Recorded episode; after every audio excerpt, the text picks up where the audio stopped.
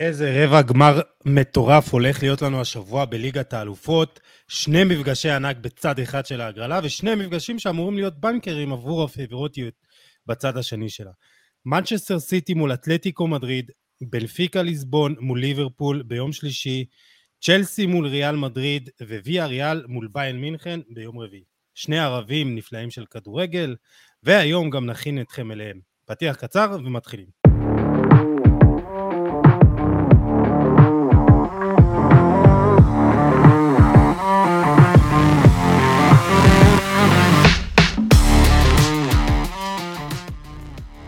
ברוכים הבאים לפרק המאה ושניים של חולה על כדורגל הפודקאסט. אני כאן, יוסי עדן נמצא איתכם, גיל כנל בלימודים, אבל אל דאגה, יוני מונפו וגל משה, שני פרשני הבית שלנו שמתחרים ביניהם אה, מי יתארח כאן יותר, אבל אה, זו יריבות טובה, תחרות טובה, אני, אתם חייבים להסכים, לא? אין יוני. פה יריבות, אין פה יריבות, יש פה אה, למידה הדדית, סך הכל גל... אה, מוכשר מאוד, ואנחנו נהנים לשמוע אותו, אז כבוד גדול. ו...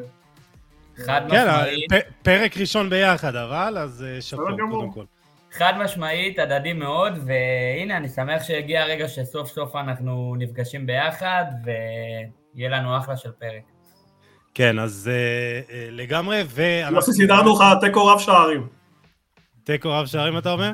כן, מחמאות הדדיות, אחי.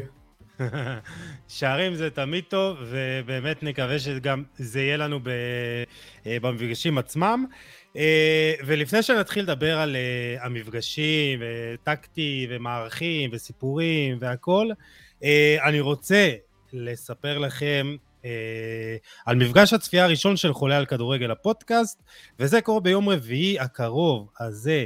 בפאב האוסליבן בישפרו סנטר, רחוב שדרות המלאכה 121 במודיעין.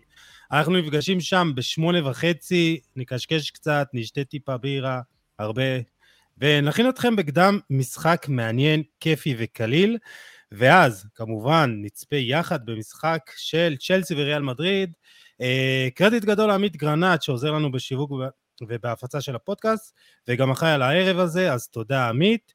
Uh, הכניסה היא חינם, אבל עדיף להגיע כמה שיותר מוקדם כדי לתפוס מקום טוב, ורק בכדי שנוכל להיערך בהתאם לכמות האנשים שמגיעים לאירוע, נשמח אם תירשמו לאירוע דרך דף הפייסבוק של חולה לכדורגל.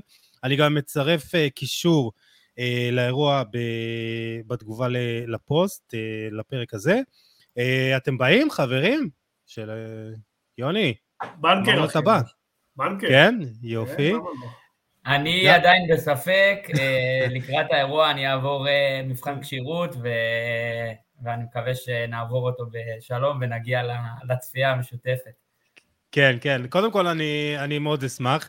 אה, את יוני אנחנו מכירים כבר תקופה ארוכה, אז יצא לנו גם להיפגש, וגל, עשינו איתך את הקורס ביחד של קורס האנליסטים, אבל לא יצא לנו להיפגש בנסיבות פחות רשמיות, אז אני מקווה שנגיע.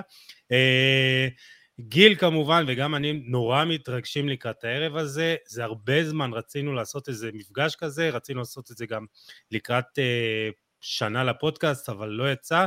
אה, אבל אני חושב שזה באמת איזו הזדמנות טובה ככה אה, לראות את העוקבים שלנו, ויש הרבה חבר'ה שנרשמו, אז אה, מי שעדיין שומע אותנו ולא נרשם, מאוד חשוב, תיכנסו ללינק, אה, זה מופיע בדף הפייסבוק של חולה על כדורגל. נשמח לראות אתכם, כזה בקליל, בירה וצ'ייסר, אני מקווה שיהיה הרבה שערים, יוני. מחזור, מה? לצד אחד אני אומר, במפגש אתה אומר שיהיה צ... הרבה כן. שערים לצד, כן.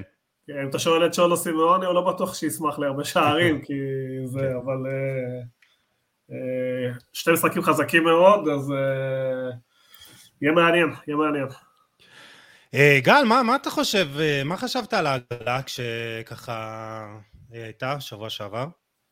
אני חושב שקודם כל קיבלנו הגרלה מאוד מעניינת. אני חושב שהמשחקים של אה, סיטי ואתלטיקו אה, וריאל מול צ'לסי מסקרנים מאוד, אה, מלבד סיטי ש...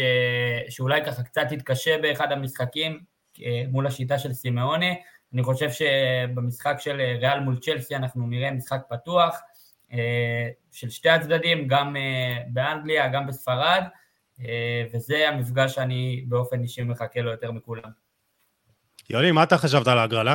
שקודם כל זה טוב שעברה בלי שערוריות ובלי כדורים, ש... בלי טעויות.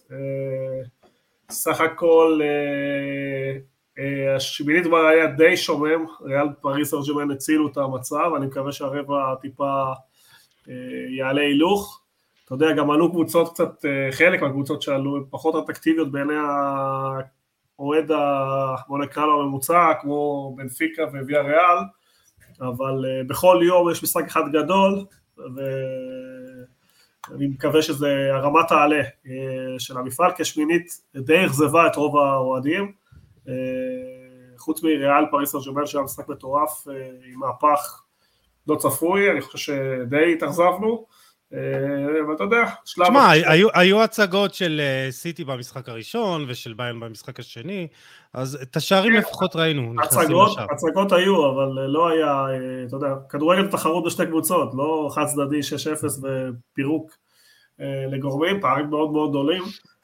שוב, גם יש הבדל לדעתי גם בנפיקה ויאריאל, כי בנפיקה קבוצה די חלשה לשלב הזה, קבוצה מקום שלישי בפורטוגל, זה לא בנפיקה גדולה שיש הרבה מאוד שחקנים, ויאריאל יכולה להקשות עם הסגנון, אבל זה מה יש, אם זה מנצח, אז אם אתה רוצה לעבור למשחקים, אז לפי הסדר... בוודאי. כן, אז כמובן, נתחיל עם המשחקים ביום שלישי, אין, אין ספק שצריך להתחיל עם המשחק הגדול, ואם אני אגיד לכם, זה המשחק שאני הכי מחכה לו ברבע הגמר, מנצ'סטר סיטי נגד אתלטיקו מדריד, ובאמת לפני שאני אסביר למה זה המשחק הכי שאני מחכה לו, אתם יודעים שזו פעם ראשונה שהן נפגשות? שתי הקבוצות? תזה מול אנטיתזה. כן, כן, אני יודע, אבל פעם ראשונה שסיטי פוגשת את אתלטיקו מדריד, אז מקווה שבשביל הפעם הראשונה יהיה לנו מפגש מעניין. זה כמו שהתחלתם להגיד, זה מפגש בין סגנון מובהק, התקפי מאוד של פפ, יצירתי מאוד, לבין סימאוני שיודע בשלבים האלה לסגור הרמטית את הקבוצות. זה לא בדיוק בונקר, אבל הסגנון הוא מאוד מאוד הגנתי, שטח מאוד מאוד מאוד קטן, הוא משאיר ליריבים, הוא מצופף את האמצע מאוד מאוד גדול וקשה לחדור, יחד עם אובלק שהוא אחד משלושת השוערים הכי טובים בעולם, זה קרב מאוד מאוד עיקש. אני גם, אתה יודע, בשלבים האלה פפ נוטה לעשות שינויים שהרבה מבקרים אותו, כל האייטרים תוקפים אותו על כל השינויים שהוא עושה, ומעניין יהיה לראות אם הפעם ילך על ה... הרכב מה שהמוביל שלו, עוד פעם מנסה להפתיע את סימאוני איכשהו. אני לא חושב שיש פה פיבוריטית ברורה, יש פה סגנון, סגנונות מאוד מאוד שונים. בשלבים האלה אסור לטעות, ראינו את פפ שנה שעברה נגד מפסיד את זה, על, כן. על סגירה אחת לא נכונה, הפסיד את הגמר, זה קורה לו שוב ושוב ושוב, זה משהו שרודף אותו. משחק מרתק, אני לא הייתי מהמר על המשחק הזה בחיים. שוב, כדורגל מאוד מאוד התקפי, מאוד מאוד יצירתי מול הקשיחות וההתלהבות של, של אתלטיקו. חשוב גם להגיד שאתלטיקו לא פתחה טוב את העונה, אבל בחודשיים האחרונים עושים תוצאות טובות, התאוששו כן. בליגה. לפני חודש וחצי כבר דיברו על המעמד של צ'ולו, אולי לא ימשיך, והוא הצליח להשתיק את כל המבקרים, והוא מגיע חזק מאוד. עוד נקודה מעניינת, שימו לב שסיטי מגיעה למשחק הזה, וכשבליגה יש לה את ליברפול מאחוריה, ויש לה חצי גמר מול ליברפול עוד שבועיים, ובאמצע, כלומר, בין, ה... בין, בין שלבי שלו יש, יש לה קרב מול ליברפול על האליפות ועל הגביע, כלומר יש לה שבועיים קריטיים מאוד, כן. וזה יכול לפגוע בסיטי במפגשים האלה, כי היא לא יכולה לנוח, היא לא יכולה לתת מנוחה בין לבין, אתלטיקו בליגה די הבטיחה לעצמה את המקום בליגת אלופות, אז, אז היא יכולה...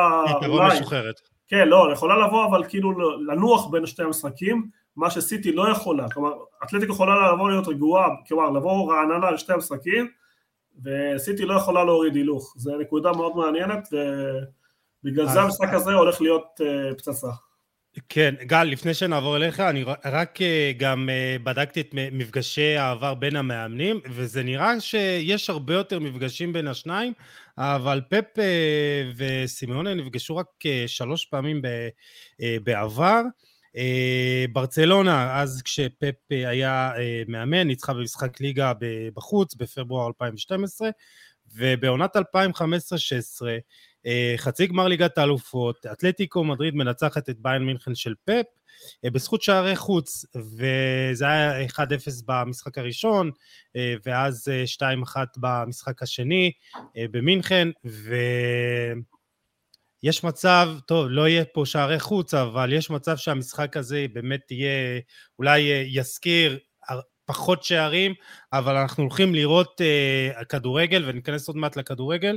Uh, בשמינית הגמר, כמו שאמרנו, uh, סיטי ניצחה בחוץ את uh, ספורטינג ליסבון 5-0, בבית עושה 0-0, ואתלטיקו מדריד, אני חושב שהפתיע את כולם, הזכרת את זה יוני קצת בפתיח לדברים האלה, שהיא פתחה לא טוב את העונה, וגם היה, דיבור, היו דיבורים על אה, מעמדו של צ'ולו סימאונה, וזה היה נראה שלפחות גם מבחינתנו, שדווקא מנצ'סטר יונייטד היא פייבוריטית במשחק הזה, במפגש הזה, אז באמת בבית אה, במדריד היה 1-1, ובסוף באולט טראפורד אה, אתלטיקו מנצחת 1-0, וזה באמת, כמו שאמרתי, מפגש שאני הכי מחכה לו, וגל, האם זה באמת גם המפגש שאתה מחכה לו הכי הרבה בערב הגמר? אמ, אחד, הוא, זה המפגש השני אה, שאני הכי מחכה לו, אה, אחרי ריאל צ'לסי, אבל אני חושב שזה באמת אה, מפגש מאוד מעניין, לראות שתי סגנונות הפוכים שנפגשים, אבל אני חושב שלאתלטיקו יש מה להציע, ואני חושב שאתלטיקו היא קבוצה שמאוד ממושמעת טקטית, אסור לשכוח גם שהיא מגיעה בכושר הכי טוב שלה מתחילת העונה, היא שמונה משחקים רצופים ללא הפסד, כולל שתי משחקים מול מנצ'סטר יונייטד, אז אני חושב שמבחינת ביטחון, אה, אתלטיקו מגיעה למשחק הזה מלאת ביטחון, אה, ואני חושב שרוב הלחץ אה, יהיה על מנצ'סטר סיטי. אני חושב שלאתלטיקו יש את האפשרות שהיא עולה במגוון מערכים, אנחנו רואים את שולו שעולה לפעמים עם 4-4-2, ראינו אותו באנגליה עולה עם, עם קו של חמישה שחקני הגנה, עם לודי ויורנטה, ואני חושב שאתלטיקו תוכל לנצל בהתקפות מעבר אה, מהירות אה, ולמצוא שטחים, ואני חושב שהולך להיות מאוד מעניין, ולסיטי יהיה מאוד מאוד קשה בצמד המפגשים. כן, אני, אני גם חושב, יהיה באמת, כמו שהזכרתם, זה, זה מפגש בין שתי פילוסופיות מנוגדות לחלוטין, ובאמת, הפוזיציונל פליי של פפ גוורדיאולה, כדורגל של שליטה, של תנועה, וכדורגל מצד השני של אה, דייגו סימיונה, הסביל, אה, אתלטיקו כמעט ולא לוחצת, יורדת, משחקת מאוד מאוד צפוף אה, ונמוך. ושימו לב לנתון הבא, בדקתי, מנצ'סטר סיטי הקבוצה במקום השני בין כל הקבוצות שהשתתפו העונה במפעל אחרי ביין, בהפרש בין השערים הצפויים שלה לבין הספוג, הספיגות הצפויות שלה. אה, זה כמעט, זה אחד וחצי שערים אה, הבדל אה, למשחק, ואתלטיקו מדריד נמצאת עם רק פלוס 0.4 שערים, ונמצאת במקום ה-13, ורק בנפיקה יש לה הפרש שערים שלילי, כלומר, אנחנו רואים שסיטי באמת בפער מול היריבות שלה במפעל, ואתלטיקו מדריד, ראינו זה גם בשלב הבתים, בית נורא צפוף, אה, עם ליברפול ועם אה, מילאן שם, ובאמת היה בית מאוד מאוד אה, ככה, מפגשים מאוד צמודים, ואנחנו רואים את זה שאתלטיקו, אני לא יודע אם תקראו לזה מזל או לא, אבל עם יכולת, בואו נגיד ככה, לא מזהירה, היא ברבע הגמר. יוני, אתה חושב ש... יש לה, יש לה את מה שצריך, אולי גם אתה יודע, דיברת על יחסים שווים, אבל להפתיע את מנצ'סטר סיטי? אני, אני אפילו לא חושב שזו הפתעה, יוסי. גם אם אתה מסתכל על המסורת של אתלטיקו במפעל הזה, ואתה מסתכל על הסגנון של... של, של זה, זה, זה דווקא הסגנון של... אה, אם אתה מסתכל על סגנונות, הסגנון של פפ הוא יותר, הוא יותר טוב לליגה, כי לאורך זמן השליטה בכדור, היצירתיות, ההתקפה מכריע, בשיטת גביע זה הפוך, זאת אומרת מי שעושה פחות טעויות הוא בדרך כלל מגיע יותר רחוק, ועובדה שהוא הצליח להגיע לגמרים ולעשות uh, תוצאות מדהימות בשנים האחרונות. Uh, לא עם התקציב הכי גדול, לא עם השחקנים הכי טובים, אבל עם, ה, עם הסגנון שלו והמשמעת שלו, בגלל זה אני לא מתרגש ממקום ראשון באנגליה מול מקום שלישי, מבחינתי פתוח לגמרי, במשחקים האלה אסור לעשות טעויות, דיברת על ההדחה הקודמת, ביירן uh, הובילה כלומר 1-0 ועוד 1-0 והיה לה פנדל והחמיצו והכל השתנה במומנטום, כלומר נכון, תומאס מולר, ש... תומאס מולר החמיץ, כן. מספיק יום לא טוב של בלם, יום טוב של שוער, היום כבר, אה, פעם היינו אומרים גם שופט, היום עם עבר הטעויות הן כמעט ולא קיימות, כלומר עבר מתקן את 90%, 90 מהטעויות בוא נגיד, אז, אז אה, לא, לא חושב שזו הפתעה בכלל יוסי, אה, שוב כולנו נוטים לחשוב שסיטי פיבוריטית ברורה אבל לא מסכים עם זה בכלל, שוב מי שתעשה פחות טעויות בעיניי תעלה, מבחינתי פתוח לגמרי, שוב אולי מבחינת אוהד כדורגל עדיף, אתה יודע, סגנון התקפי ושסיטי יעלו אבל מבחינה מקצועית נטו זה מצד אחד סיטי יפתחו וייתנו אה, שטחים, מצד שני הם ישלטו רוב הזמן בכדור, בעיניי בגלל השיטה, בגלל שגם אין שערי חוץ, פתוח לגמרי. גל, אתה חושב שבאמת אה, המפגש הוא די שקול, או שהאיכות של סיטי תכריע פה, ואולי גם, אתה יודע, תכריע בגדול? אמ, אין ספק שסיטי קבוצה הרבה יותר איכותית, אה, גם מבחינת אה, סגל השחקנים וסגנון המשחק, אבל אני רוצה לדבר דווקא על הסיבה ש... שיוני דיבר עליה, על הסיבה שלא מדובר אה, בליגה ועונה ארוכת טווח שהשליטה בכדור משתלמת. מדובר פה על שתי משחקים וסיטי הולכת לפגוש קבוצה מאוד ממושמעת, קבוצה שיודעת לצופף, אה, לסגור שטחים, אנחנו רואים את אה, חלק מהתבנית של סיטי, אה, זה הכניסות של דה בריינה ל half space, ההצטרפות של גונדוגן לרחבה מקו שני, ואני חושב שאם יש קבוצה שיודעת לסגור את הכניסות האלה ויודעת לצמצם את השטחים האלה, זאת אתלטיקו של סימאונה, ובגלל זה אני חושב שלסיטי יהיה מאוד קשה, ושוב, מדובר פה במשחק נוקאוט, הכל פתוח, הכל אפשרי, ראינו כבר קבוצות פחות איכותיות שמצליחות לעבור שלב, אה, וזה באמת הולך להיות מפגש סופר מעניין. בסוף המשחקים האלה מוכרעים על ידי פעולות גדולות של שחקנים גדולים, ו... או, אז... או...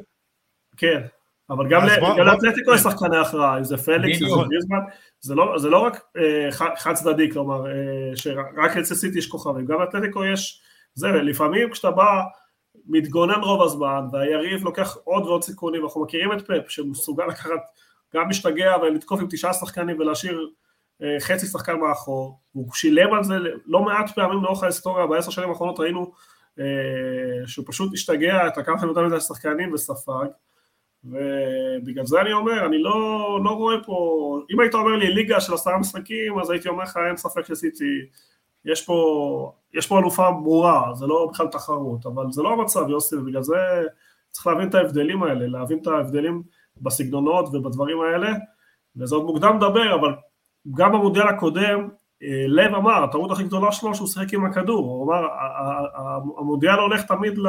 ל להתקפות מעבר, להתקפות מתפרצות, אתה יודע, לא, לא, לא דווקא לשליטה, אה, בגלל זה אני אומר, בסוף זה יוכל מי שעושה פחות טעויות או פעולות גדולות של שחקנים, זה תמיד ככה, ועוד משהו אז... חשוב לזכור, שאנחנו כן. תמיד רואים פיבוריטים, אבל אם תסתכל עשר שנים אחורה, אף פעם פיבוריטית לא הולכת מההתחלה עד הסוף, תמיד יש הפתעות בדרך, לכן אני לא מסתכל על זה ככה בכלל, אה, זהו, זו דעתי כמובן. כן. מתחבר אז... לכל מילה, אני רק רוצה להגיד משהו אחד נוסף, אני חושב ששחקן מפתח משמעותי מאוד באתלטיקו יהיה אובלק, אה, ראינו את אה, פתיחת העונה הפחות טובה שלו ואת הירידה ביכולת שלו, אבל... אה, אבל הוא היה פנטסטי ב... בדיוק. בשמינית הגמר. נכון, והוא שחקן מאוד מאוד חשוב, כי אין לי ספק שאנחנו נראה את סיטי מאיימת המון על השאר, אבל מצד שני יהיו גם את התקפות מעבר, ומעניין לראות איך הוא יגיע לצמד המפגשים. אז אה, כן, דיברנו על זה אה, בפרקים הקודמים, אה, גם בסיכום וגם בניתוחים לפני, שאובלק עם נתון מזעזע של אחוז הצעירות הנמוך ביותר מכל השוערים בחמש הליגות בבחירות באירופה. אני מניח שזה קצת הסתדר, אתה יודע, התאפס, כן? אובלק שמר על שער נקי מול ראיו וייקנו, ו... מה שאני רוצ, רציתי לדבר זה בעצם, הזכרתם על התעלות של כוכב אחד, ומה שבולט אצל סיטי, לפחות בליגת האלופות, זה שאין איזה כוכב אחד בולט מעל כולם, אמנם ריאד מאחז, כן, יש, ריאד מאחז אמנם עם אה, שישה שערים, שניים בפנדלים ובישול אחד, אה, אבל מצד שני הוא לא כבש או בישל מול פריז. רחים סטרלינג וגבריאל ג'זוס עם שלושה שערים כל אחד, סטרלינג עם שני בישולים וג'זוס עם בישול אחד, ז'ואאו קנסלו עם שני שערים ושלושה בישולים. בסך הכל מה שאני מנסה להגיד זה שיש עשרה שחקנים שונים של סיטי שכבשו במפעל ו-11 שבישלו שערים, כלומר אה, במצב נתון כל אחד בסיטי יכול לעשות את השינוי, בין אם זה עכשיו אפילו פיל פודן וגם ג'ק גריליש שמאוד אה, ככה עדיין לא התאקלם או לא אה, אה, הוכיח את מה שהוא אה, באמת אה, לשמו נקנה, אבל אה, אה, בוא נגיד ככה שלסיטי יש המון כוכבים והמון כוכבים שיכולים לעשות את ההבדל. אה, ז'ואר קאנסלו לא הזכרנו אותו מבחינת אה, ניהול המשחק והכניסות לאמצע. אה, קווין דה בריינה הזכרת, גל משה עם הכניסות ל-half space והרמות, ויש לך את פיל פודן ואת ברנרדו סילבה וסטרלינג שבכושר נהדר. כלומר, סיטי יש לה המון כלים התקפיים, ו... אחד המפתחות לניצחון של סיטי, אה, לפחות במפגש הזה, כי היא תשלוט הרבה יותר בכדור, זה השליטה בהתקפות המעבר. הזכרת היום את, ה, אה, אה, את הצורך של סיטי לשלוט בכדור, ללחוץ גבוה, ואז אתלטיקות לנצח במעברים. והכדורגל היום, אני אוסיף למה שאמרת, הכדורגל היום בנוי על כאוס. דן רומן אמר את זה בקורס, הרבה על כאוס, על כל המעברים האלה. אתה כל הזמן צריך לחשוב כל דבר. בהגנה אתה צריך לחשוב התקפה, בהתקפה אתה צריך לחשוב הגנה, והיכולת של סיטי למנוע את המעברים של אתלטיקו מדריד, אה, זה נקודה מאוד קריטית, ומאוד מעניין איך הם יעשו את זה. המושג המקצועי שניסית להגיד הוא הגנה נחה, או מה אתה עושה, איך אתה עומד, איך אתה... רז דיפנס, כן. כן, איך אתה מונע מהיריב אה, להגיע למצבים, ובנקודה הזאת זה נקודת קשר לדעתי הכי גדולה של פפ בשנים האחרונות, כי, כי מרוב שהוא אוהב כדורגל התקפי, מרוב שהוא מחויב לזה שלו, הוא לוקח סיכונים, מה שנקרא מוגזמים, שמאפשרים ליריבה להכות אותו שוב ושוב ושוב, אנחנו רואים בשנים האחרונות אה, שכל שנה מודח, הוא שולט במשחק, הוא שולט, אתה מסתכל סטטיסטית, הוא שולט בנט, נכון. הוא מגיע ליותר מצבים, אפילו ברוב המשחקים האקסטי שלו יותר גבוה, והוא יורד אה, מנוצח. אה, אתה יודע, לכל דבר יש יתרונות בחיים וחסרונות. אה, בגלל זה זה הולך להיות מאבק כל כך מעניין, כלומר... בגלל זה, בגלל זה אני מאוד רוצה לראות את זה, ובאמת רוצה לראות אה, את, ה, את הקרב הטקטי שיש פה, אבל מעבר לקרב טקטי, היא גם אה, חשוב לדעת שיש פה שחקנים, כמו שאמרת, שחקנים בסוף הם מכריעים, אה, וכמו שהזכרת גם את אנטואן גריזמן, אה, גם אה, מלך השערים שלה במפעל וגם מלך הבישולים, ארבעה שערים, שלושה בישולים. אה, הוא גם נותן את התפוקה, אבל נראה לי שמי שיכול לעשות את ההבדל, ומי שגם עשה את ההבדל מול יונייטד, לפי דעתי, יחד עם גריזמן, זה ז'ואר פליקס, שנראה שכזה, סוף סוף העונה הוא מקבל גם יותר אה, דקות ויותר, אה, אה, הוא לוקח גם יותר על עצמו. גל, אתה חושב שדווקא פליקס יכול להיות זה שיעשה את ההבדל? לגמרי, אני חושב שפליקס הוא שחקן מאוד מסוכן בהתקפות מעבר, היכולת שלו להתגבר על דריבל בשטח פתוח, אז אני חושב שיש לו תפקיד משמעותי, ולגבי מה שדיברת, אני חושב שדווקא צ'ולו יחפש את הכאוס, אתלטיקו תחפש ליצור את הכאוס במשחק, לתסכל את מנצ'סטר סיטי, וכמו שכבר אמרנו, היא תחפש את ההתקפות מעבר האלה, היא תחפש את גריזמן, והיא תחפש את פליקס וההצטרפויות של יורנטה ולודי, אה, וזה יהיה תבנית המשחק של אה, אתלטיקו, לפי הערכתי. אה, טוב, שחקני מפתח ככה, לפני שנעבור להימורים וסיכויים במשחק הזה? אני, חושב, אני אצל סיטי הייתי הולך דווקא על פפ בתור ראשון מפתח, לא דווקא על שחקן, כי ראינו את כל הזה, איך הוא, איך הוא מצליח למצוא את האיזון שכל כך חסר לו בשלבים האלה, איך הוא לא משתגע ויחד עם השליטה בכדור הוא, הוא, הוא לא, אתה יודע, לא מתפזר יותר מדי ומהמר יותר מדי התקפית. בצד השני הייתי הולך על אה, אולי על השוער או על קו ההגנה, אה, אני חושב שזה המפתח, כי אתלטיקו זה קבוצה שיודעת לסבול, והיא הולכת לסבול, תאמין לי, הולכת לסבול מה שנקרא התקפות גלים גלים, ולחכות לרגע הנכון כדי להכריע את המשחק. מרתק בעיניי המשחק הזה. גל? אצלי באתלטיקו אני ממשיך עם אובלק. לגבי סיטי אני חושב ששחקן המפתח, יש לי התלבטות קטנה בין דה בריינה לגונדוגן, אבל אני חושב שהמטרה של סיטי תהיה לקבל את התמיכה ההתקפית שלהם ואת הכניסות שלהם לרחבה, כי אנחנו נראה אה, צפיפות מאוד גדולה במרכז הרחבה ובמרכז ההגנה. אה, פודן אולי יהיה השחקן שינסה למשוך החוצה את הבלמים, אבל אה, מול, מול קו של חמש אני לא רואה את זה קורה, ולכן אני בוחר בסופו של דבר בדה בריינה, והוא שחקן המפתח שלי להתמודד. אז, אז אני אעבור ישר להימורים והסיכויים שלי, אז אה, אני אומר אה, 2-0 סיטי במשחק הראשון, אה, מה, שנייה, והסיכויים לזה 65-35, אפילו 70-30, אני חושב שבשלב הזה אה, האיכות של סיטי תכריע, אתלטיקו, כאילו אי, אי אפשר לקחת מצ'ולו את כל מה שהוא יודע לעשות, במיוחד בנוקאוט, אבל אני חושב אה, גם החיסורים של אה, חימנז אמור אה, פצוע, אני, אני חושב שבסופו של דבר, גם אררה, אני חושב שבסופו של דבר סיטי פייבוריטית, עם כל, ה, אתה יודע, האהבה של צ'ולו לנוקאוט ולסגור משחקים, אז 2-0 סיטי ו-70-30 אפילו אה, בסיכויים. יוני, שלך? אני ממשיך בקו שלי, 50-50 פתוח לגמרי. או, ייגמר, אוקיי. ייגמר, המאבק הזה ייגמר אחד הפרש, אה, כלומר, בסיכום 12 קינג קבוצה תעלה מאחד הפרש, לא יתפלא אם זה יגיע להערכה ופנדלים. יפה, טוב, אה, גל. אה, סיכויים 65-35 לסיטי, בגלל איכות השחקנים. לגבי תוצאה, משחק מאוד מאוד קשה לחיזוי, אבל אני אלך על 3-1 למנצ'סטר סיטי. אה, משחק רב שערים, יפה, חבר'ה. בוא נראה. אה, יוני, יש לגל הברקות. שלוש מארבע בפעם אה, שעברה תוצאות מדויקות. יפה מאוד. אה, יפה מאוד. חברים, יש פה טיפים ששווים זהב. טוב, נתקדם למשחק השני ביום שלישי.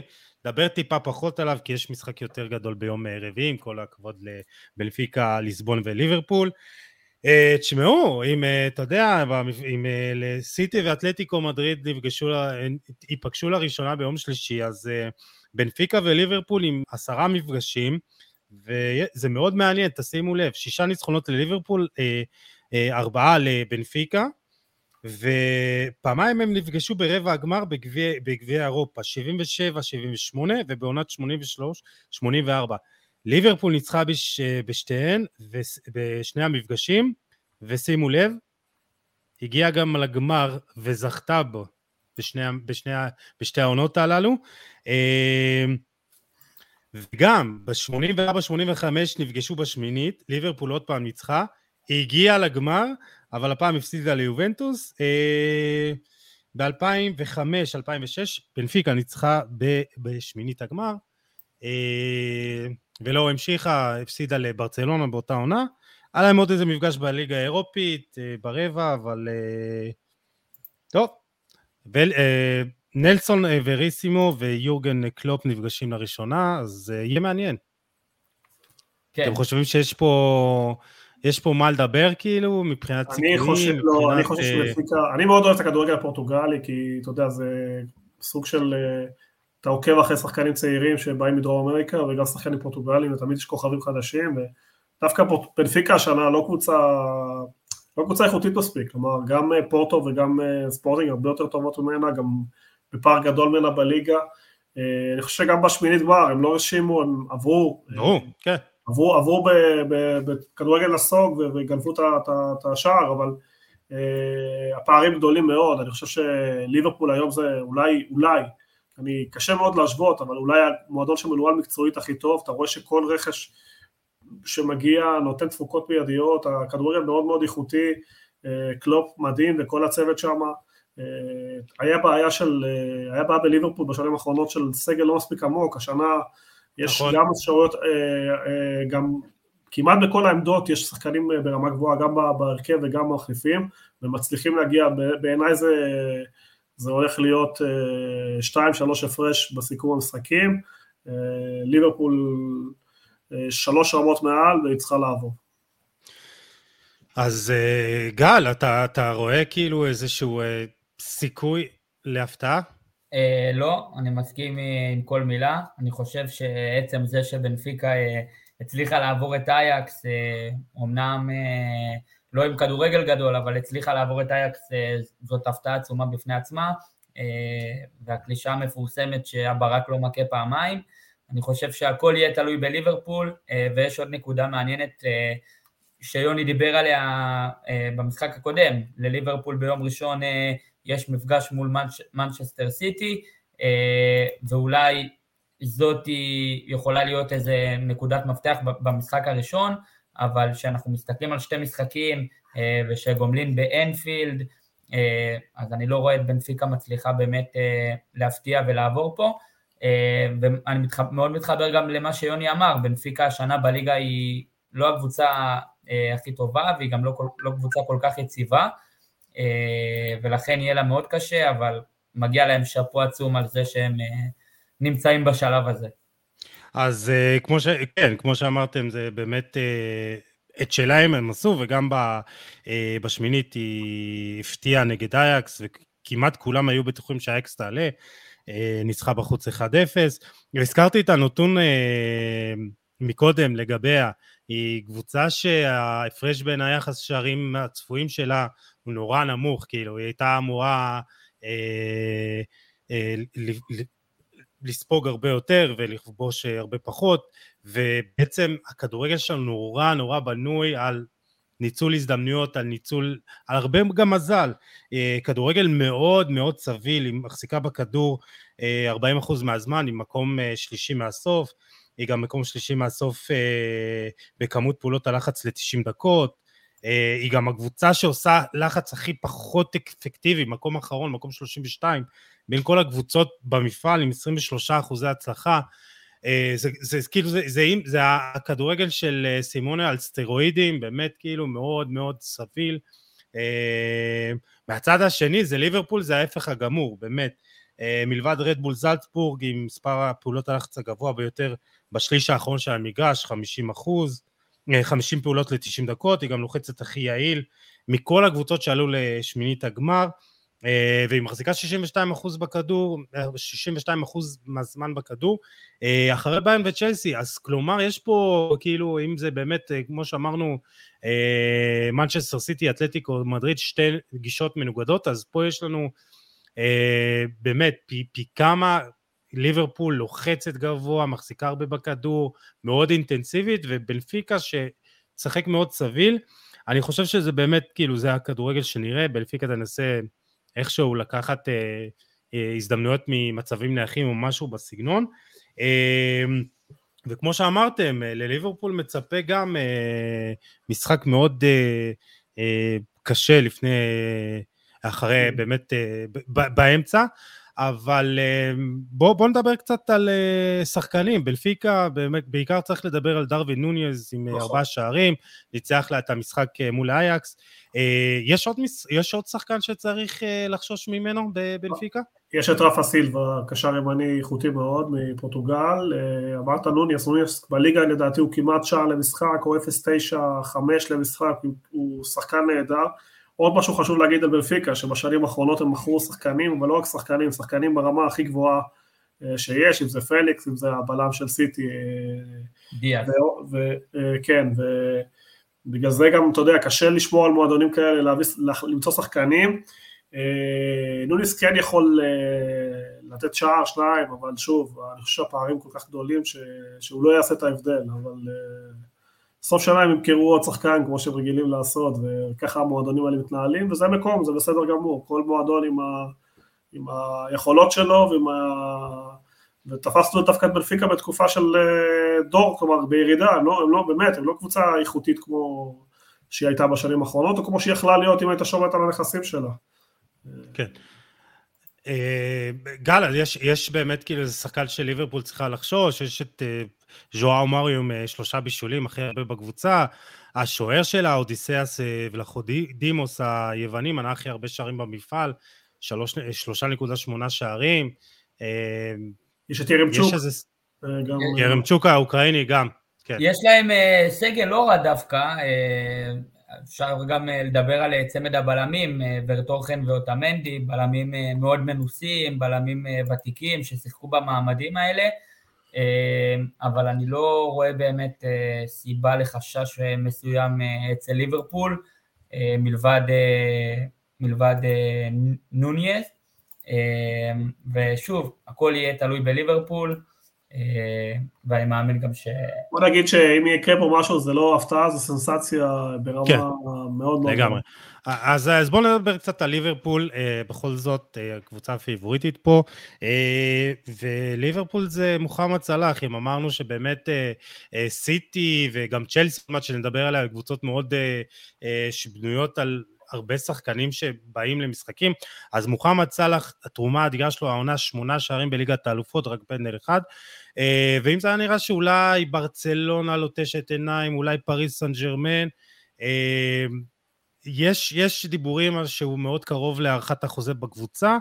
אה, על פי דיווח באנגליה, סאלח דחה הצעה של 400 אלף לירות סטרלינג בשבוע לחוזה בשלוש שנים. יכול להיות שזה יעלה אפילו חצי, חצי מיליארד לירות סטרלינג בשבוע וחוזה לארבע שנים, סכומים שרק קריסטיאנו רונלדו מקבל. יוני, אתה איש אה, לנושאים כלכליים אצלנו. כן. אה, המומחה הכלכלי של חולה על כדורגל הפודקאסט.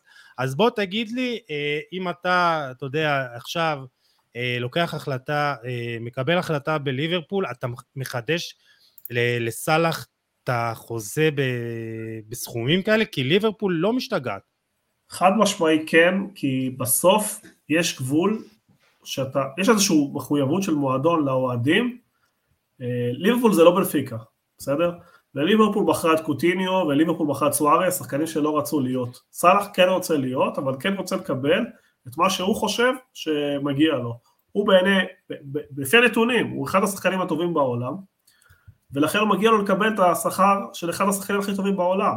אז אה, בסדר, היה משא ומתן ארוך והיה משא ומתן קשה, אבל בסופו של דבר סאלח הוא בין השלושה השחקנים הכי טובים בעולם, חמישה השחקנים הכי טובים בעולם, ליברפול יכולה להרשות לעצמה לשלם לו את השכר הזה, יכולה, כי הליגה האנגלית בטירוף, ההכנסות שם בטירוף, הגדילו את המגרש, אין שום אה, מניעה, אה, וצריכה לעשות stop, stop למצב שאנחנו יכולים למכור שחקנים, כלומר אנחנו, כן. אנחנו לא קבוצה, ליברפול זה לא בנפיקה, אנחנו לא מוכרים את השחקנים שלנו, אנחנו משאירים אותם אצלנו ומשבחים אותם, זה לא אומר שעכשיו כל שחקן הולך להיות, לא כל שחקן הולך לקבל סכום מטורף, ואם תסתכל על ה... על ה, על ה אני הראיתי פעם לחברים שלו, אוהדי ריאל מדריד, המגן והבלם, הם לא מרוויחים כל כך הרבה כסף. אם אתה מסתכל על ה... נכון. על הזה, אבל אם סאלח הוא באמת, כל משחק, עושה את ההבדל, כי כמעט כל משחק הוא מבשל, הוא מפקיע, אז כן, הוא בשיא קריירה, יש לו עוד שלוש ארבע שנים לתת, אז כן יוסי, לפעמים, בסופו של דבר זה משחק של כוכבים, ואין מחליף לסאלח, זה לא שתמכור אותו, ומה תעשה עם הכסף? אין, אין. אתה לא יכול למצוא אף שחקן מחליף.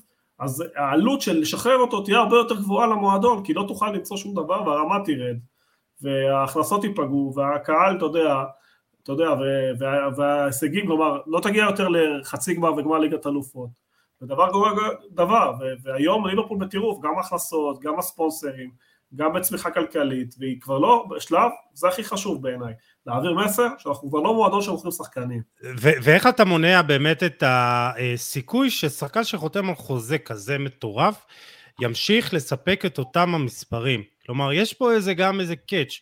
אה, אה, זה קצת שונה כי ראינו את זה אה, בארסנל עם אובה מיאנג, שבאמת אחרי שהוא חתם על החוזה המטורף שלו, פשוט משהו קרה שם, אז באמת יש, איך אתה... יש, יש הרבה דוגמאות לשחקנים שמקבלים את החוזה הגדול ומורידים הילוך, ואחד הדברים החשובים בספורט היום זה כמו אתה, אתה וגל עשיתם סקאוטינג, עושים סקאוטינג גם באימונים, אנשים רואים איך אתה מתנהג, איך אתה מתנהל, אם אתה מוריד רגל מהגז, אני לא רוצה להגיד עדן עזר בריאל מדריד, אבל מי שהיה רואה אותו מתאמן בשנים האחרונות, כנראה הבין שהוא לא הולך להיות שחקן הכי טוב, בין הטובים בעולם עד גיל 33-4 וכנראה שלא תיגמר. אם אתה רואה ששחקן מתנהג ומתנהל בצורה מקצוענית יום יום ושהוא בשיא הקריירה אז סיכוי גבוה, נכון שתמיד יכול להיות אה, דברים אבל התשובה ברוב הזמן, אם אתה מסתכל על השחקן ברמה היומיומית ואתה בודק והאימונים היו מצולמים ויש רחפנים ואתה יודע כמה סנטימטר הוא עשה וכל דבר אתה מדיד היום, זה הפרמטר הכי טוב. בסופו של דבר, שוב אני אומר, יוסי, אם אתה תמכור אותו ותשחרר אותו, לא תוכל להריץ שחקן ברמה שלו, אפילו לא קרוב, לא ברמת התפוקות ולא ברמת היכולות וגם לא ברמת התיוג. ולמרות שליברפול כן יודעת להביא שחקנים טובים אחרים, לפעמים צריך לדעת לעשות את האקסטרה בשביל השחקן שלך, בשביל הכוכב שלך, ואני חושב שההחלטה הנכונה תהיה להישאר. אם בסוף יקרה איזשהו משהו והוא, שוב, הוא ישתגע ויפסיק לשחק, זה כבר לא תלוי בך, אבל כל עוד הוא מתנהג בצורה מקצוענית באימונים ונותן את המאה אחוז כל משחק והוא עושה את זה, אין שום סיבה לא לחדש לו את החוזה יוסי. גל, אתה רוצה לדבר על שחקן אחר בליברפול? אני רוצה לדבר על דייגו ג'וטה. אני חושב שמה שאנחנו רואים ממנו העונה והיכולת שלו לשחק כחלוץ מרכזי בליברפול ולתת כזאת כמות של שערים, ויוני דיבר פה גם על תיאום, אז התיאום שלו עם יתר שחקני הקבוצה ועם הקו הקדמי בכלל זה מדהים, ואני חושב שהוא אחד מהגורמים העיקריים להצלחה של ליברפול. אפשר גם לדבר על דיאז, שנכנס מדהים, ובאמת ליברפול עשו לדעתי רכש מצוין, אבל אני חושב שבאמת הכל זה יורגן קלופ, היכולת שלו להאמין בשחקנים, אני לא, לא אגיד אלמוניים, אבל שחקנים שלא הגיעו ב-high level לליברפול, ולהפוך אותם לשחקני טופ, ולשחקנים ש... שמתמודדים ברמות האלה ומספקים את הסחורה, אז זה מדהים. אני רק רוצה להגיד מילה על מה שיוני אמר, אני אמנם לא מומחה פיננסי, אבל אני חושב שסאלח היום נמצא בכושר שיא, בתקופת השיא שלו, אני חושב גם שהוא שחקן שעדיין יש בו תשוקה לזכות בתארים, אמנם הוא זכה גם בפרמייר ליג וגם בליגת אלופות, אבל אני חושב שיש לו גם את התשוקה לזכות בכדור הזהב, ואני לא רואה אותו מוריד רגל מהגז, מה, מהאופי, מהאופי שלו, כי זה האופי שלו, ואני חושב שמבחינת ליברפול זאת תהיה ההחלטה הכי טובה שיש להשאיר אותו אצלנו. אני גם חושב כך, באמת. גם אני לא יודע אם יש איזה קבוצה עכשיו, אולי חוץ מפריז, שבאמת תוכל לשלם עליו את הסכום שליברפול תרצה, ולשלם לו את המשכורת הזאת, אבל באמת נקודה אחרונה לגבי ליברפול, הזכרנו את זה בעבר, יוני, הזכרת את זה עכשיו, העומק שלה, ואת האמת, העונה יש לה גם קצת מזל, טפו טפו טפו, מבחינת פציעות, כאילו, כולם חוץ מארווי, מקרטיס ג'ונס, סליחה, כן, כולם חוץ מקרטיס ג'ונס אמורים להיות uh, זמינים, אז לפעמים צריך גם קצת מזל, וכשיש לך מזל ושיש לך איכות uh, בדמות לואיש דיאס ו... ואיברהים הקונטה ודיוגו ז'וטה, שאנחנו רואים כמה החשיבות שלו, ו- ואם הוא לא בסדר, אז אפשר להכניס את מאנה ל- ל- לעמדת החלוץ, או את, לשים את בובי פרמינו שיכניס התלהבות ולחץ, והוא גם כובש העונה, אז uh, בליברפול באמת העונה, אני חושב שאולי, אולי היא בין הפייבוריטיות שלי, הראשונה או שנייה. נתקדם להימורים וסיכויים, אני חושב שזה, תסכימו איתי, זה 90-10 לפחות. משחק ראשון 3-0 מבחינתי לליברפול. יוני, שלך? משחק ראשון אולי בחוץ, אולי טיפה, יש שלוש הפרש ומעלה בסיכום, משחק ראשון אולי טיפה ליברפול יהיו עם הראש בסיטי, ש-1-0 או 2-0 בחוץ יהיה טוב להם, ולבוא לליברפול, ולבוא למשחק העונה האמיתי, האמיתי, כי אתה יודע, הרבה משתתפים במשחק העונה לא, לא במקום הנכון, כלומר הרבה אוהבים להגיד משחק עונה, הפעם זה משחק עונה אמיתי שיכול להכריע את האליפות, אבל שוב, קל, ליברפול צריכה לעבור את זה בקלות. גל? 2-0 ליברפול, 90-10 הסיכויים. משחק הבא, משחק שאנחנו הולכים לדבר עליו הרבה בערב הצפייה, להזכירכם, אם לא הייתם בפתיח, אז ערב צפייה בפאב האוסליבן במודיעין, ביום רביעי שמונה וחצי, נקשקש קצת, נשתה בירה ונדבר באמת על המשחק, נכין אתכם בצורה מאוד ככה כיפית, אבל גם מקצועית. מפגשי עבר, אה, יוני, צ'לסי מובילה, שלושה ניצחונות, אה, אה, את האמת לא ניצחתם אותה פעם אחת, שלושה ניצחונות לצ'לסי, שני תיקו, אה, עונת 70, 71, צ'לסי ניצחה בגמר גביע המחזיקות, אחרי תיקו במשחק הראשון, אה, ב-98-99 צ'לסי ניצחה בסופר קאפ האירופי, משער של גוסטבו פויט ומבישול של אה, זולה, וכמובן בעונה שעברה, איך אפשר לשכוח, חצי גמר אחרי 1-1 במדריד, צ'לסי מנצחת ב-2-0 בלונדון, ממשיכה לשחייה, אה, אז ההיסטוריה נגדכם, יוני. אה, אני חושב שקודם כל גילוי נאות, אני אוהד ריאל מדריד, למרות שהזכרת את זה בקטנה, אז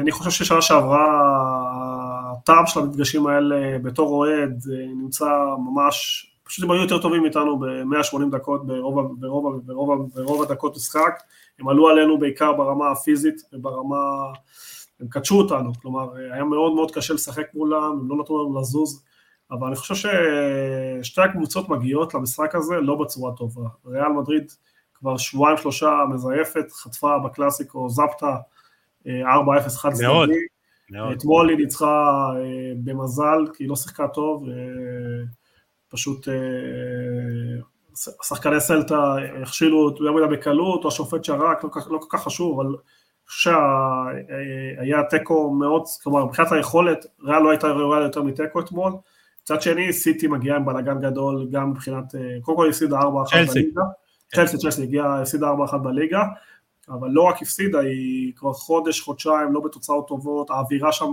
אה, לא טובה עם כל הסיפור עם רומן אברמוביץ', אני לא רוצה להיכנס לנושא הפוליטיקה, אבל יש הרבה שחקנים שמסיימים חוזה ולא מחדשים, אה, שמועות על קריסטוסון בברצלונה, רודיגר עושה, הסוכן שלו מטייל בכל אירופה, הוא מחפש לו קבוצה, אז פילגואטה גם עוזב, יכול להיות שספילגואטה יישאר, היה איזה... כן, לא, לא אה, משנה כל כך, אבל גם יישאר צריך שכל הבלאגן של החלפת הבעלים אה, ואנחנו רואים שזה משפיע על התוצאות, אנחנו רואים שלא משנה כמה שחקנים מקצוענים, כל החוסר ודאות הזאת מחלחל, וכבר חודשיים הם בתוצאות לא כל כך טובות. אה, אני חושב שהמפתח במשחק הזה, או האם כמה ריאל תוכל לעמוד מבחינה הפיזית מול הלחץ של טוחל במרכז המגרש.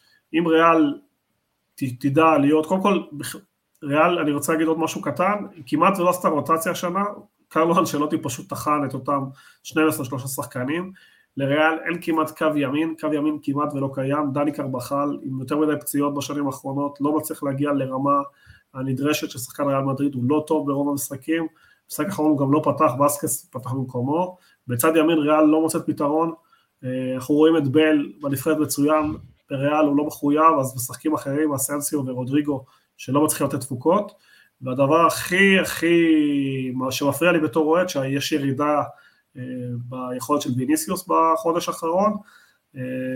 אני, אני מעבר, מעבר לזה, כשבאמת גם ראינו בקלאסיקו, יש עצבנות, רואים עצבנות אצלו, הוא, הוא, הוא נורא גם לחוץ, כן. כן. יש, אה, הוא רב הרבה עם ה... תראה, מצד אחד הם עושים עליו, כלומר, זה השאלה מה קודם למה, מצד אחד מכסחים, שומרים עליו הרבה יותר טוב כי הוא כל משחק מפקיע ומבשל, כלומר, הוא בעונת פריצה, הוא ביכולת מצוינת, הוא, הוא עושה את ההבדל בין שנה שעברה ריאל קצת אפרורית לריאל מאוד מאוד מהנה שהיה מתחילת שנה, וקבוצות למדו אותו, ואתה רואה שנכנסים בו ומגרים אותו והוא מאבד את זה, הוא קצת רב עם היריב, קצת מתעסק עם השופט, אה, יצא מהפוקוס, מצד שני, אתה יודע, הוא מאוד צעיר ובעונת פריצה, יהיה מאוד מאוד מעניין לראות את המשחק הזה, דווקא גם בברצלונה שמו עליו את הראוך, כלומר שיסגור אותו אישית בגלל המהירות, מעניין לראות, לראות אם טוחל אה, יתמקד בו כמו שרוב הקבוצות עושות כרגע. אה, בעיניי זה משחק מאוד פתוח, כי גם שתי הקבוצות לא מגיעות במצב טוב. אה, יהיה משחק מאוד מאוד פתוח, ואני רוצה לשמוע מה יש לגל להגיד. כן, גל. יותר אובייקטיבי ממני, בטוח. אני מאוד, אני מאוד מתחבר לדברים של יוני, אני חושב שאם רגע לא לגעת טקטית, אני חושב שבאמת שתי הקבוצות לא מציגות את היכולת האופטימלית שלהם בתקופה הנוכחית, אה, ולכן המפגש הזה הוא עוד יותר מעניין ועוד יותר אה, בלתי צפוי. אה, אם אנחנו מדברים על המשחק בלונדון, אני חושב שריאל תרצה להוריד את קצב המשחק כמה שיותר. אני חושב שאם אנחנו מסתכלים על קבוציית הקישור... כן, ראינו שלריאל גם, סליחה שאני קוטע אותך, אין, אין לה בעיה לשבת מאחור, לחכות, זה קרה גם בפריז, זה קרה גם מחצית ראשונה במדריד, כלומר, אתה יודע, נוח לה לפעמים לוותר על הכדור. ברור. וצ'לסי מאוד אוהבת את הכדור. נכון, אני חושב שאנחנו נראה צ'לסי מחזיקה הרבה יותר בכדור, אנחנו, כמו שאמרתי, נראה את ריאל מורידה את הקצב, אבל כשאני מסתכל ככה על חוליות, אני חושב ששלישיית הקישור של ריאל היא טובה יותר.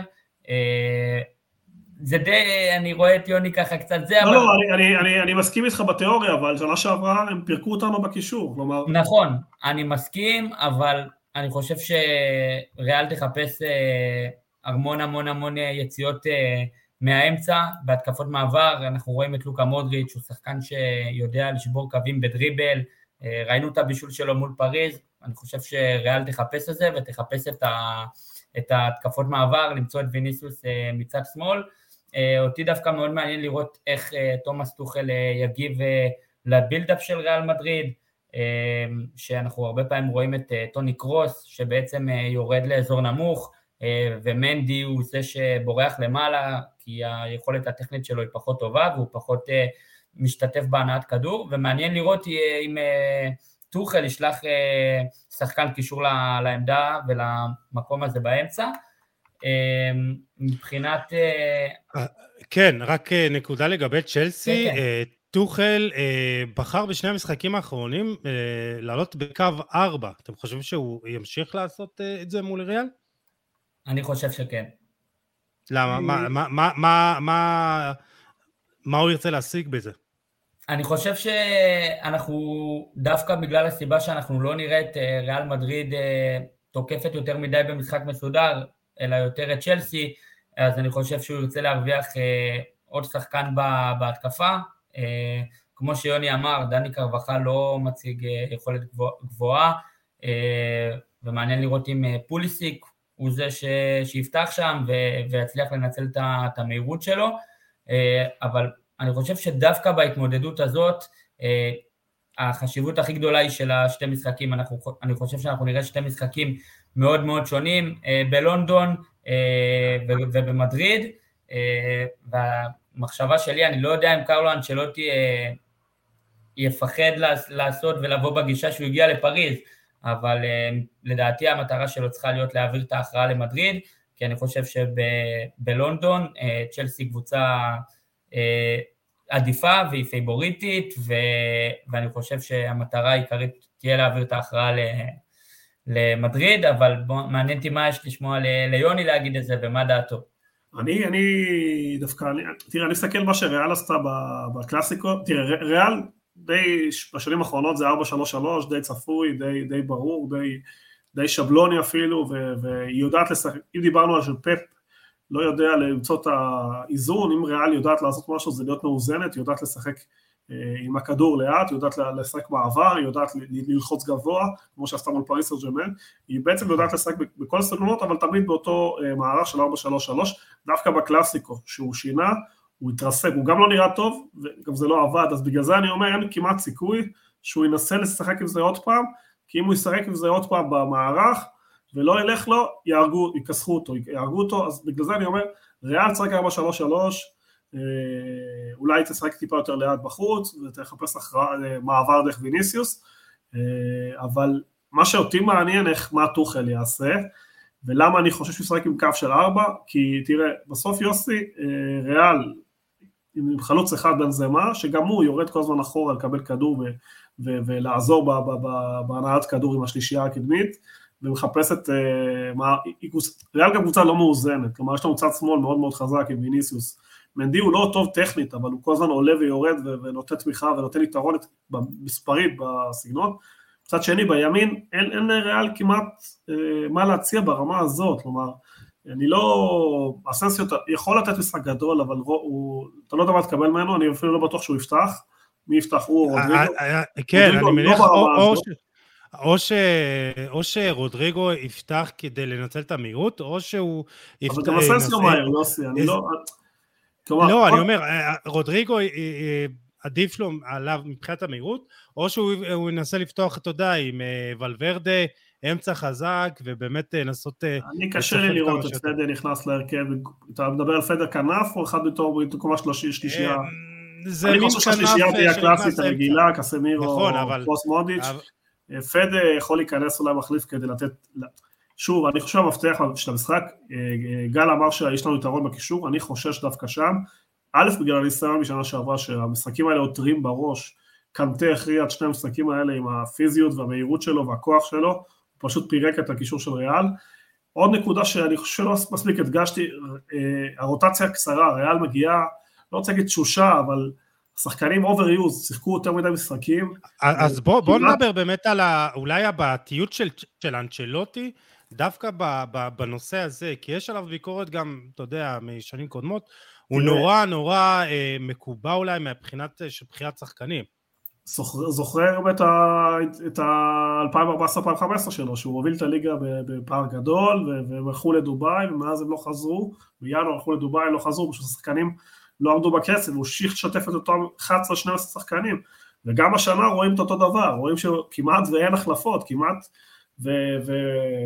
וכל ה-11 משחקים כל הזמן אותו, אותם 11, ליגה, גביע, לא משנה מה, הוא בקושי עשה שינויים, ואנחנו רואים את ריאל, אני לא רוצה להגיד שזו הסיבה היחידה, אבל uh, יכול מאוד להיות ש, שזו הסיבה העיקרית שבגלל זה הירידה של ריאל. Uh, מצד שני, צריכים להיות הוגן, גם איתו וגם זידן, שהסגל של ריאל מבחינת העומק שלו הוא לא טוב, יש יותר מדי שחקנים עם אפס תפוקה. כלומר, נכון. גם אני אומר לך עכשיו משהו בתור אוהדי ריאל, אתה מסתכל על איסקו, אתה מסתכל על בייל, אתה מסתכל על אה, אה, מרסלו, שחקנים שכר עתק, פרסמו שבוע עדן עזר שגמר את העונה, והתפוקה שלהם היא אפסית, ריאל מתבססת בסוף על עשרה שחקנים, אה, עשרה או תשעה שחקנים שנמצאים בכושר שיא, שזה קורטואה, שתי הבלמים, מגן שמאלי, הקישור וההתקפה, אני מוציא את הקו ימין, עושה אותו לגמרי מבחינת הרמה שצריך להיות בשביל להיות אלוף אירופה. זה לא קרוב, ומחליפים, יש לך את פדה וכמה מיגה שהוא בן 18, אז הוא נותן, אה, כמו שחקן צעיר, משחקים טובים, חוסר יציבות, אבל הוא כן נותן תפוקות. אז הבעיה של ריאל העיקרית זה חוסר העומק, זה overuse המוגזם של השחקנים הטובים, ובגלל זה אני אומר, אם ריאל תעמוד בקצב של צ'לסי, היא תהיה שם, היא תהיה שם עד הסוף, והיא יכולה לעבור, אה, ויכולה לצאת גם את המצב הלא טוב של צ'לסי. צ'לסי הביאו השנה, אחרי אליפות אירופה, את לוקאקו, שלא השתלב, ורק יצר בלאגן, תוסיף את הכאוס הניהולי, תוסיף את השחקנים שלא מחדשים חוזה, אה, קרב פתוח בעיניי.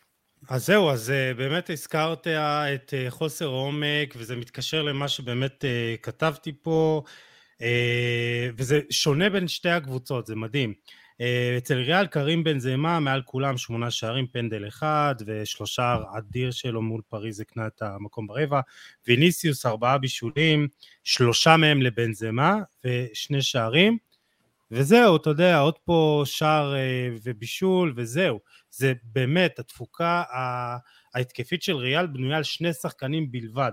מצד שני צ'לסי שתבינו מלך השערים שלה במפעל זה טימו ורנר עם שלושה שערים.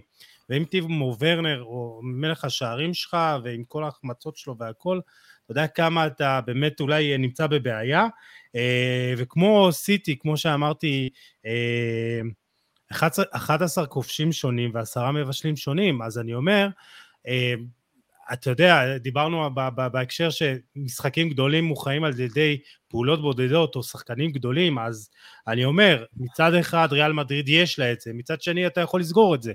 ועם צ'לסי מצד שני יש לך הרבה שחקנים שיכולים, פתאום פוליסיק אה, גם כובש במשחקים, ראינו, ראינו את אברץ בעונה שעברה מתעלה בדברים, אה, ויש לך את חכים זייט שבאמת מקבל יותר ויותר צ'אנסים, אבל השאלה מה פה יבוא יותר לידי ביטוי, הדומיננטיות של השחקנים של ריאל או ה... לא יודע אם תקראו לזה הקבוצתיות של צ'לסי או החוסר אה, בולטות של הכוכבים. גל, מה אתה חושב? אה, קודם כל שאלה, שאלה מאוד קשה, אה, אבל אני באמת חושב שאם אנחנו יוצאים רגע מהנקודה המקצועית, אני חושב ש... לכל מה שקורה בצ'לסי ואיך שהקבוצה מגיעה למשחק וחוסר ודאות וחוזים ש, שלא, שלא שחקנים לא מעריכים, אז יש השפעה מאוד גדולה גם למה שקורה בתוך קבוצה ובתוך דינמיקה של קבוצה. אני חושב שאם אני מסתכל רגע פר שחקנים, ובוא נגיד שאם היינו מדברים לפני חודש, אז אני חושב שצ'לסי קבוצה יותר איכותית וקבוצה יותר טובה מריאל, אבל שוב, אנחנו מגיעים פה למפגש שהוא לא צפוי, אה, שתי קבוצות בכושר לא טוב, אה, ואסור גם לשכוח את הפרק אה, שהיה איתנו פה גיל, שמבחינתו ריאל מדריד היא המועמדת והפייבוריטית לשחייה, ואני גם יכול להבין למה.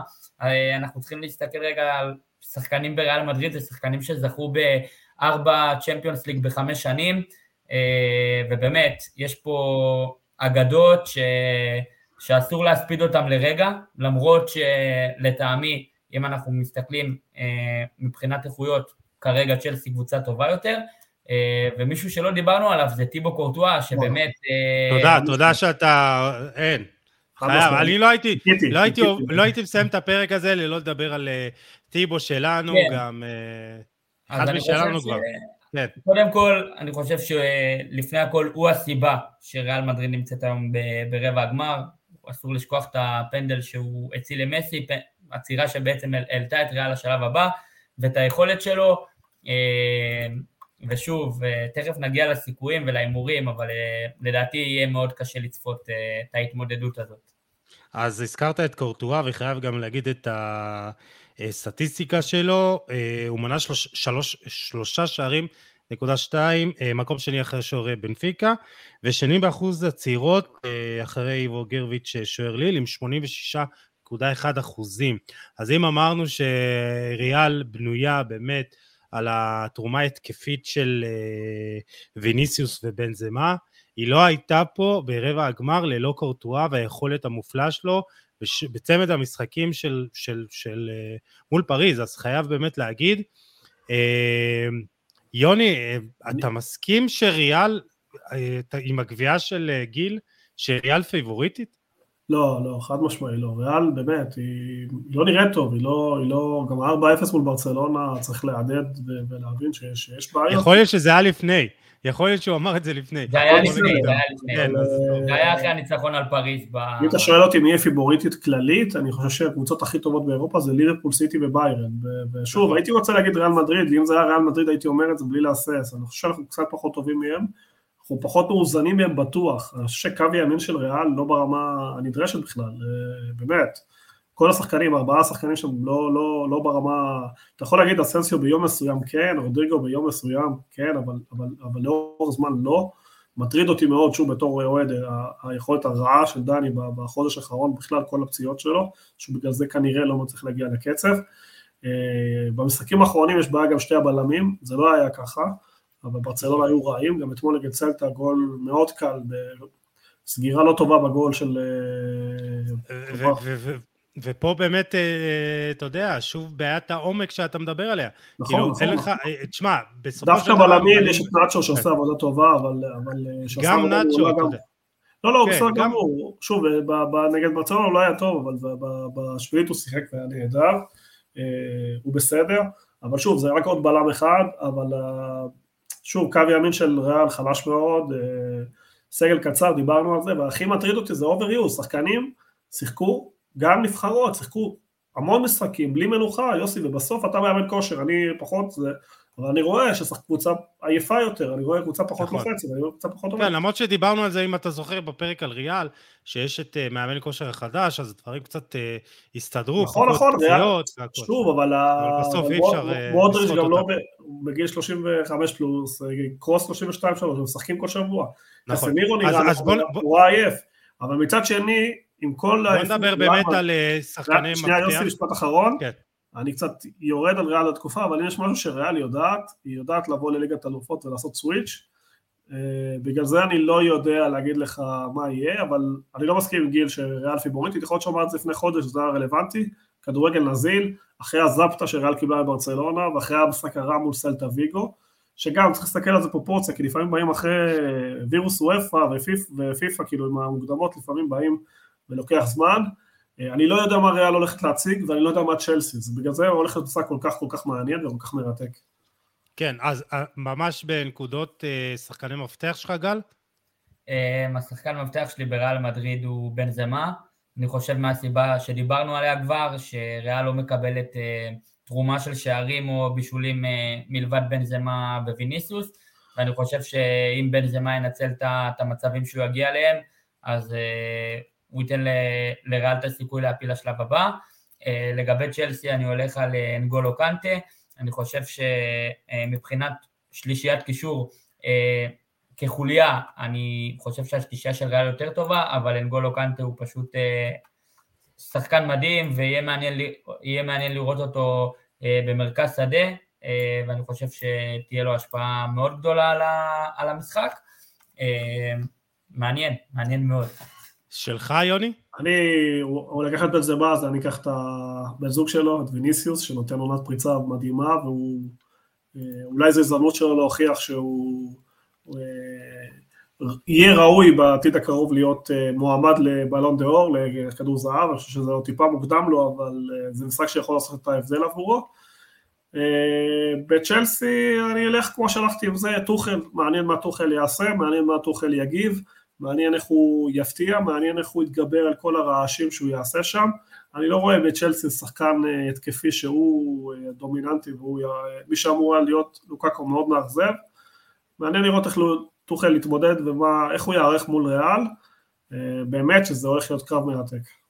זהו, שאין לי מושג עכשיו, אני חושב תוך כדי על הימורים וסיכויים ממש אין לי מושג, כאילו, אני רוצה להגיד 50-50, מפגש מאוד, אולי טיפה יתרון קל לצ'לסי, כי אני חושב שהעומק שלה הרבה יותר אה, רחב, הסגל שלה יותר איכותי.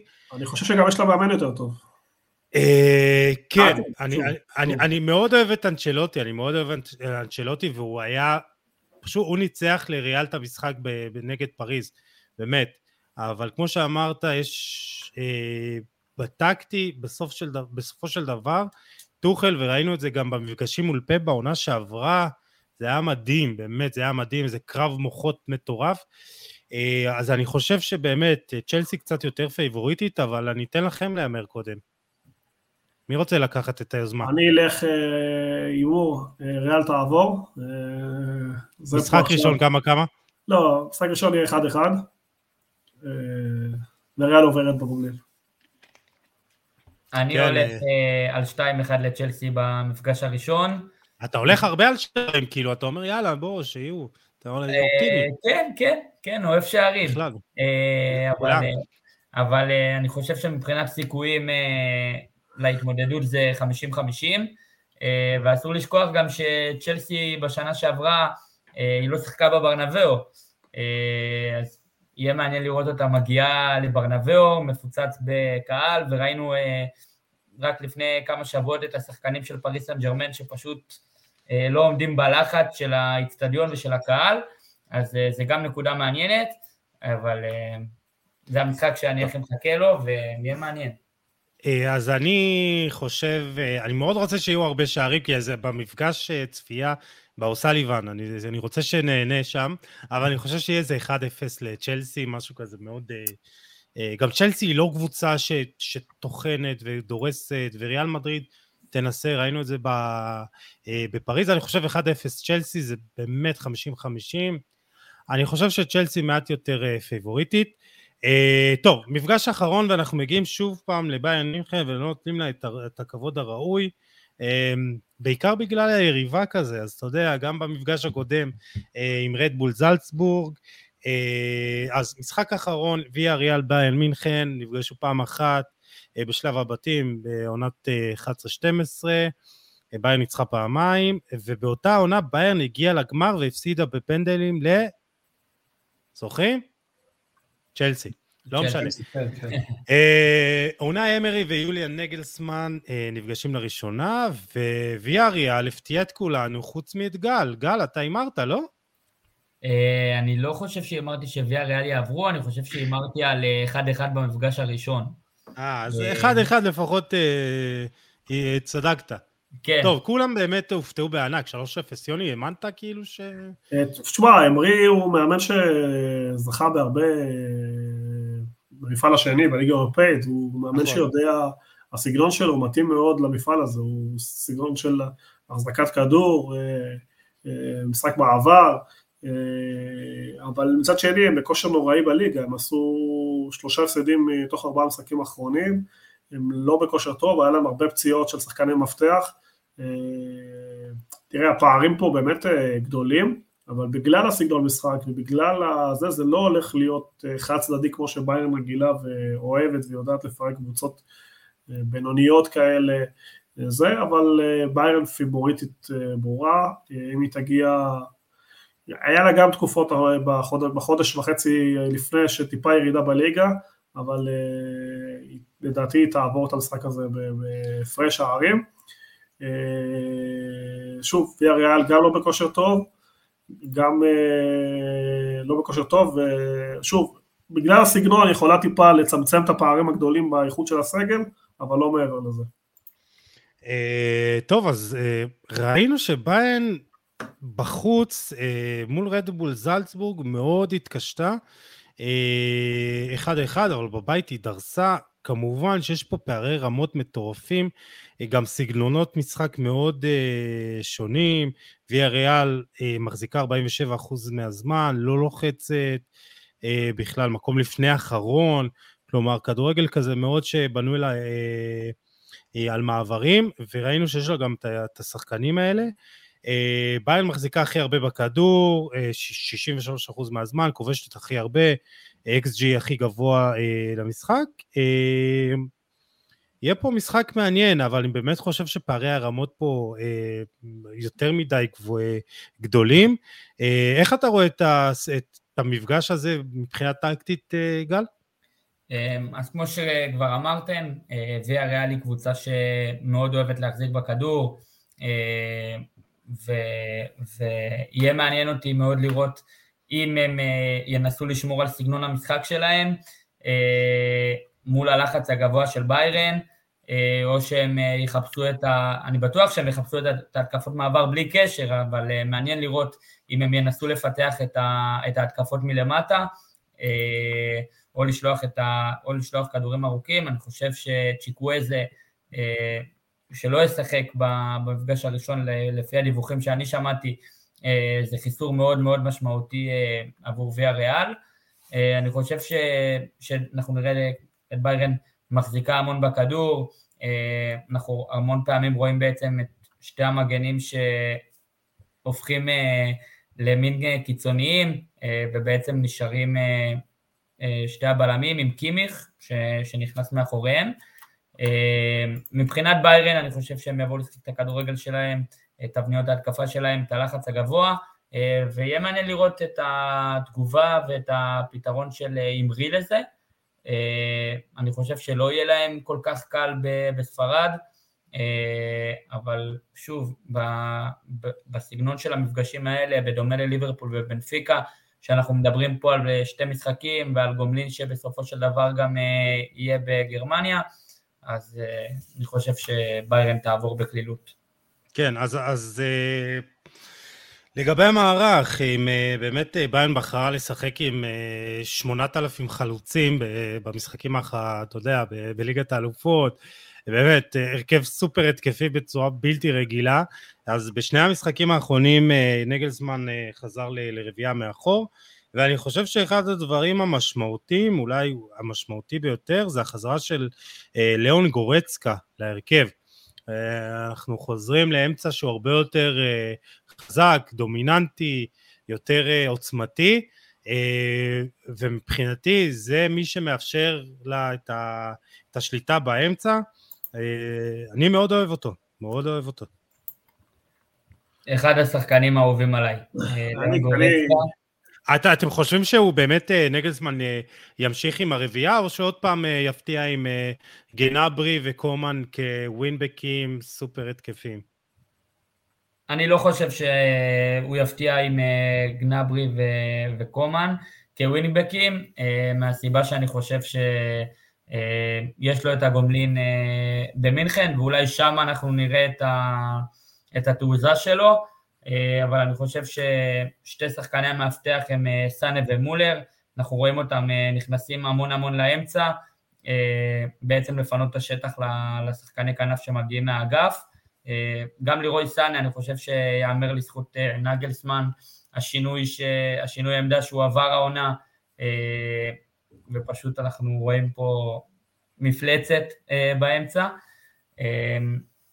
אבל שוב, כמו שאמרתי, אה, אני חושב שהמון יהיה תלוי באיך ויה ריאל תתכונן למשחק אה, ואיזה סגנון היא תביא, ושוב, אנחנו מדברים פה על קבוצה שאוהבת מאוד להחזיק בכדור. אז אה, יוני, באמת כן. אמרת שאתה אוהב את גורצקה, אני חושב שכמעט ואין שחקן הרכב בביירן שאי אפשר שלא לאהוב אותו מבחינת האיכות שלו, מבחינת היכולת שלו, זה פשוט סגל מטורף של שחקנים באמת איכותיים ש, ש, שכיף שכל לראות. אחד יכול, כל אחד יכול להבקיע וכל אחד... כל אחד יכול להבקיע, אבל כל אחד גם עובד, שחקנים, אתה יודע, זה לא שחקנים שהם, גם הכוכבים עובדים, מולר שחקן שעובד, לבדובסקי הוא שחקן שעובד, שחקנים שנותנים את המאה אחוז. אה, אם יש שחקן שחסר לי שם זה אלפונסו דייוויס עם הקטע בלב, שזה פשוט נכון, אה, סיפור, לא חד סיפור, אבל אה, אם אתה מסתכל על שחקנים של ביירן, קשה שלא לאהוב אותם, כי זה שחקנים מכונות, הם גם עושים התקפה, גם עושים הגנה, גם עושים לחץ גבוה. וזה הדבר הכי, הכי מעניין יהיה לראות איך הכדורגל של ויה ריאל שמגנה בעצם עם הכדור אצלה, האם הם יצליחו למנוע את כל החטיפות בלחץ גבוה, כי ביירן כובשת הרבה בחטיפות, חטיפות בחלק של היריב, דיברת על הכאוס הרבה בפרק הזה, זה אחד כן. הדברים שביירן עושה הכי טוב, לוחצת גבוה, חוטפת ומענישה ישר, וויה ריאל יודעת לשמור על הכדור, יכולה להניע את הכדור במשך דקות רבות, וזה הולך להיות אה, נקודה מאוד מאוד מעניינת. אה, שוב, בעיניי בגלל שביירן כל כך איכותית וויה ריאל בכושר פשוט רע בליגה, ניצחה את יובנטוס, אבל בליגה היא מפסידה... כן, שלושה הפסדים. כן, כן, אז אני פשוט אה, הולך עם ביירן, אה, אבל לא יהיה פה תבוסה לדעתי, יהיה פה שתי משחקים של 2-0, משהו כזה, כן, וביירן תעבור. תשמעו, אה, מה שאני אוהב ביוליאן נגלסמן שהוא כמו פאפ, אה, הוא כל הזמן חושב והוא באמת אה, כל הזמן מפתיע ומשנה והוא כל הזמן מדבר על כך שהוא חייב ללמד את השחקנים שלהם, את כל, את השחקנים שלו, את כל המצבים במשחק. הוא רוצה שהם ידעו ללחוץ כמו שצריך, הוא רוצה שהם ידעו לשחק את המעברים, את ה counter pressing, את ה... באמת חטיפת כדור ואז היא תהיה קדימה כמה שיותר, ואת ה possession ואת ה positional play.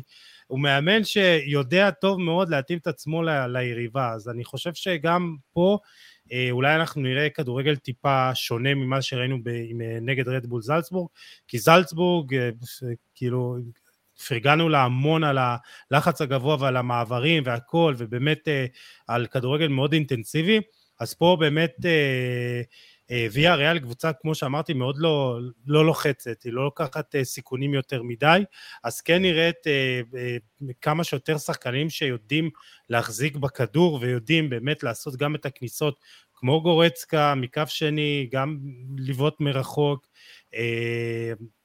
זה מאוד מעניין לראות איך, איך נגלסמן באמת יבחר לעלות במשחק הזה.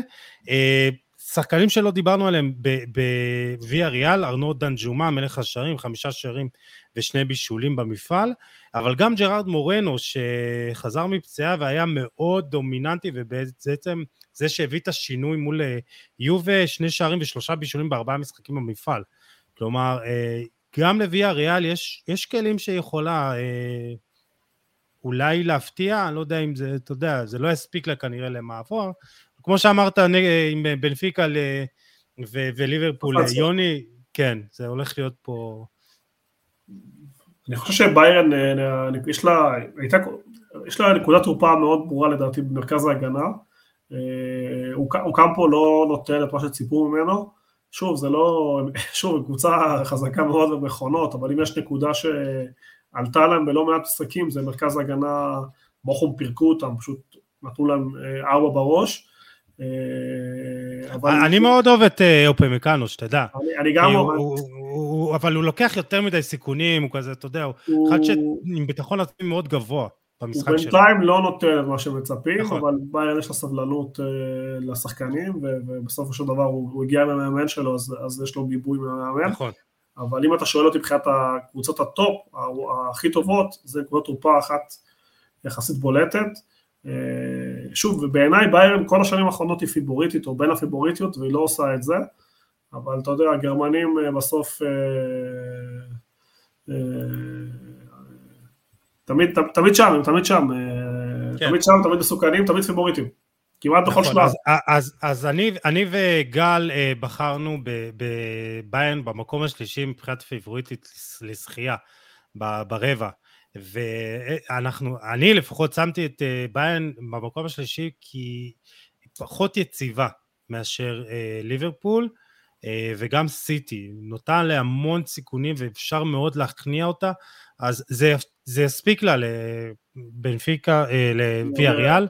אה, אבל באמת, אני חושב שיש לה את האיכות, אין ספק, כאילו, יש לה את האיכות.